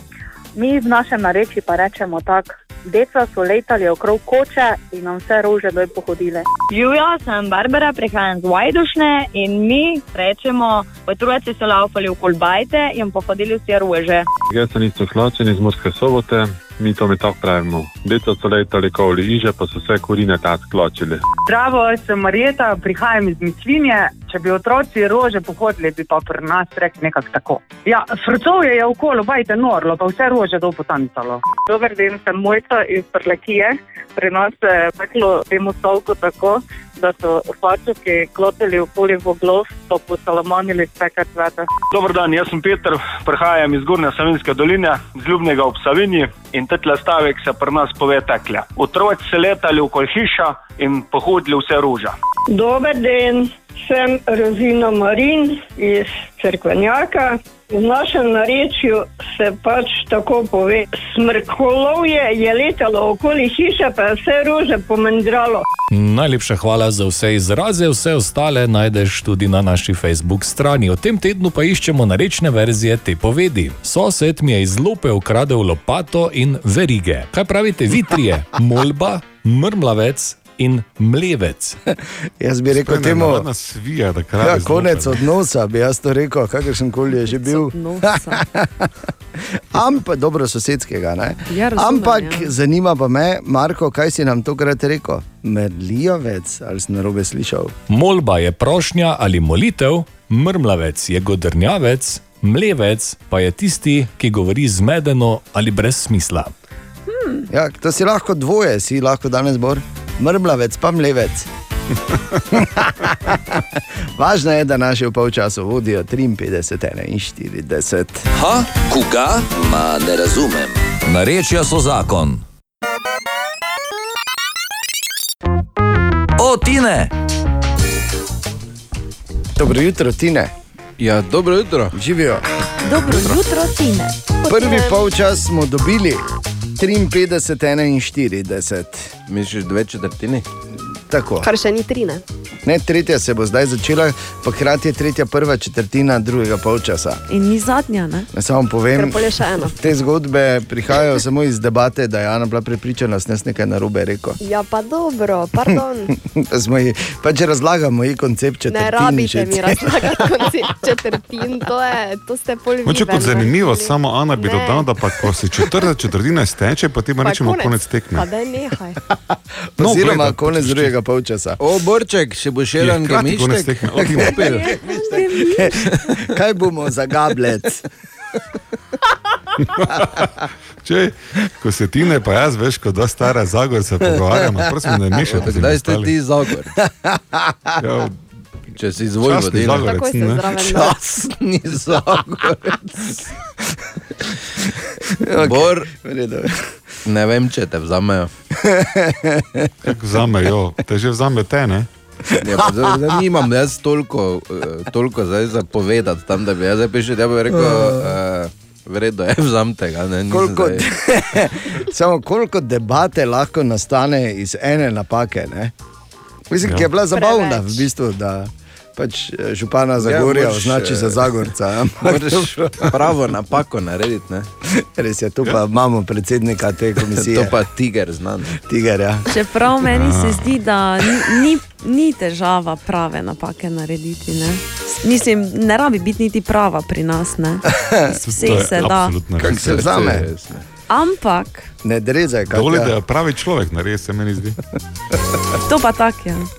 Torej, Tine, kaj imaš danes? Ne vem, če ste vedeli, ampak v enem, v enem spermiju je približno 37,5 mega podatkov. Tako da uh, so zračunali približno, ker točno zdaj ne more zračunati, koliko je v povprečnem izlivu informacij. Dosti, ne? 1600 terabajtov. Bravo. Naj Veš, samo to povem, da je podatkov? tis, Ja. ja, Kakšen pomnilnik je to? zdaj pač Pa tako mali zgleda. Ne? Ponekod vse pride, ne? ponekod eh, gre kaj mimo, ne? Ja. ponekod je pa večino podatkov zloženih okoli pasa. Očitno, ker si nas nam to drugače razloži danes. Aha, aha, aha, aha, aha, aha, aha efekt. Danes sicer, to bom zdaj probal, je v Hajfektu odgovor dr. Romani. Uh, Tamara je namreč vprašala, ali obstajajo raziskave, statistike ali zanimivosti o poletnih romancah. Pa, ker dajmo probati najprej na vse odgovoriti. Um, poletne romance, ali tako kot američani rečejo, flings, to je nekaj, kar je kratkotrajno in statistično gledano se leto konča s poroko ali čimerkoli trajnim.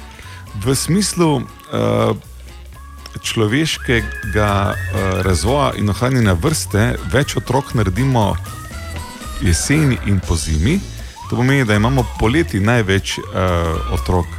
V smislu teže otroka tudi uh, lahko rečem, da nekaj malega se nagibam k temu, da poletne romance bi se lahko bolj produktivno končale, ker um, otroci, ki so zaplojeni poleti, pa se potem rodijo težji. Toliko o nezanimivi statistiki. Ker se pa zanimive zgodbe tiče o stricu, zdaj ne bom rekel, ali je moj ali ne. En stric samo pač. Povedal, da je bilo je na morju, na hrvaški obali, do strica je pristopila Nemka, vedela je že v štartu, da nemško sigurno ne bo znal, pa je nagovorila angliško in je rekla, da je speak English, na kar je on s palcem in kazalcem pokazal, da ne preveč in tako je znal angliško, zraven rekel long. Naj rečem, da je bila uh, uspešna, kot sicer pravi, poletna romanca, ki je trajala vse dva tedna.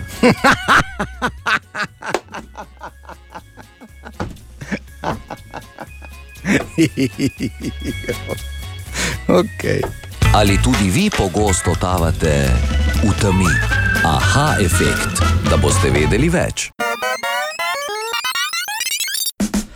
No, tu pa je, ker včasih je, včasih ni, ampak vseeno ostaja naš priljubljen jutranji segment izborove špajze. Bor. Dobro jutro. Oh, Te dni dan ni pogovora brez športa, danes še Res je. posebej, recimo, ker po drugi zlati in pred tekmo s Hamrbijem se pogovarjamo samo še o športu. Bolj ali manj. Običajno v teh, ja, glej, ne, se tu pa tam kako modi še rečemo, sem večinoma pa v športu te dni, to se strinjava. Ne? Ja, absolutno. V teh zgodbah o športu se mi zdi, da se pojavljajo, veš, ker tudi to so zgodbe, zdaj ko se pogovarjamo, ne more biti drugače. Človek, ko komunicira, govori zgodbe. In se pojavljajo protagonisti. Običajno so to ali veliki heroji, ti, ko imajo medaljo, ali pa veliko smoljenci, ti, ki se domov vračajo brez medalje ali pa ki so karkoli izgubili. In se mi tako malo zdi, ko poslušam te zgodbe, ne, to ločevanje na te, ki so zdaj na vrhu Olimpa in na te, ki so absolutni luzeri, tako vse je rahlo nesramno. Zato ker. Um, Kje točno se je izgubila tista, važno je sodelovati, ker to recimo ne gre brez izpolnitve olimpijske norme, ne pa zmagati. Mm. Jaz razumem, da ne, živimo v tem potrošniškem svetu, kjer uh, zgodovina piše zmagovalce, ampak da ima pri tem ne pozabiti, da pa vse to so ljudje.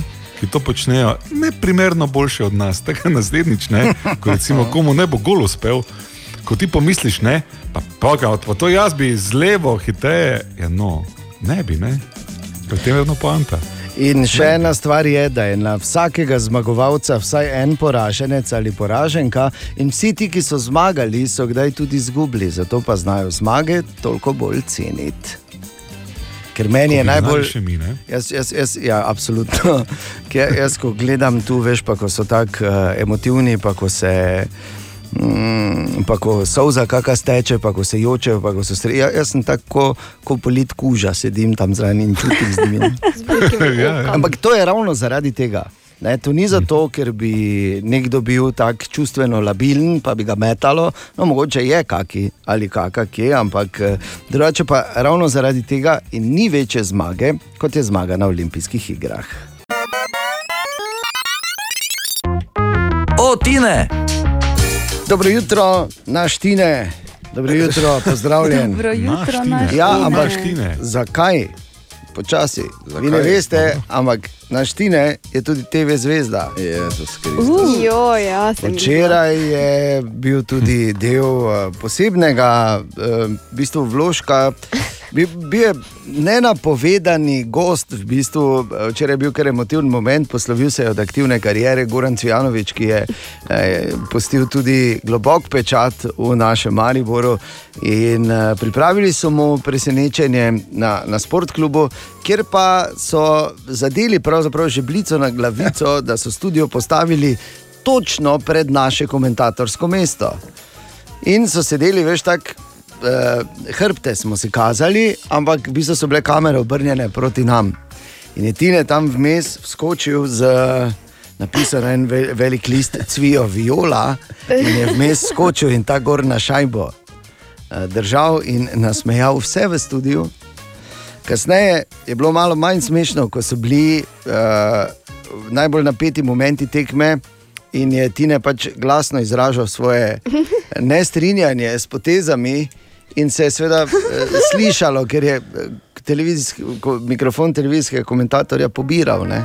Ne, jo, jaz moram gledati za nazaj to. Ja, v redu, je, ne rabiš gledati. Dobro, povem, da je včeraj Tine dal vse od sebe. Če po, Ti nekaj Pozabil zdaj še se sem. lahko pogovarjamo s tabo, ko si zvezda. ja, vikar ne. Kaj si Okej. pozabil? Pozabil sem, da so pred nami mm. televizijci, ne? pa da tisti njihov mikrofon glih tako vleče kot ja. naš mikrofon. Da, Recimo, ne? Ampak pri nas so že vajeni, ne, da slišimo, mislim, da pobere mikrofon. Tam pa so se bolj sprašvali, kdo je to ti Kdo je zraven. to tu zadaj? Pa tako so gledali, tako prestrašeni. Zakaj ne piše zraven, Goran Obrez in. Ne? In to ti zadaj, in huligan, ne, mariborski. Dobro, pa dejan je bil, se mi zdi. ne. Tako da. Uh, Dejan je bil. ja. Torej, Tine, čestitke, eh, gled, ne pozabi nas na svoji novi poti, Boral, kak se zaželi, ko nekdo gre na televizijo iz radia. Um, hvala za vse tine, uh, spomni se na nas, ko smo večjo plačo, hvala, se vidimo. Ja. Kdo si ti? Bodite v cvetju na televizijskih ekranih. Bodite odsveteni na televizijskih ekranih. Ja. Mislim, da se ne zaželi tako, ampak Ja. nisem čest. Cvetje jesenje je kar daleč nazaj, že ne. tako da. Ok, Tine, povej, kaj imamo danes? E, Ja, ena zanimivost, ki absolutno nima veze z ničemer, o, ne, o čem se pogovarjamo. Pa, e, dejansko je popolnoma nepotrebna informacija, ampak vseeno. ne. Dobro. Kdo ve, eh, koliko je najdaljša, oziroma ja, kak, koliko pa kako težka je najdaljša kulica na svetu? Kaj te to je? Meter pa pol, pa 7 kg. 5 metrov Ne, pa pol, pa 37,23 kg. In kdo piše? Bolj, bolj v stran, vem, štirje jo morajo držati. Zdaj bolj v stran ne bi mogel Jaz ne. našo 5 metrov, pa pol, pa 40 kg, tako da. Kje si jo našel? Pod Kalvarijo? Ne, pod bolj boleži. kulico, zdaj ne vem, kaj si iskal. Kulica od Če jaz našel. indica. Te pa je Kulica od Indica. Od Indica, zgleda, je, te pa je popravil, sam svoj rekord. Ker to je Je tudi bil to uh, Ačarija Makunuri. Makonuri. Širivasa? Š- Ja, ja, ja, to ti. Popravil se je. Na imam koncu- jaz stare informacije? Na koncu boste ugotovila, da je vajen bratranec, tako da gremo raje imam jaz stare informacije? Da mi številko prvo. To je naš priljubljen jutranji segment iz Borove špajze. Bor, Dragi moji, ko reče nekdo Borova špajza, verjetno ne pomisli, da bi jaz tukaj delal reklamo za Bore leta, ker boste rekli, da je samo norčevanje zbora. Ampak morate razumeti, da veste, nagrada je nagrada, pa kakorkoli obrneš. lahko Letos dama- moram priznati, kak? lahko dava primerno zadje za Bora leta, če si že omenil. Absolutno. Bor leta, najspektakularnejša izjava zmaga. Bor leta, eno leto, en tekmovalec, ena nagrada. Bor leta.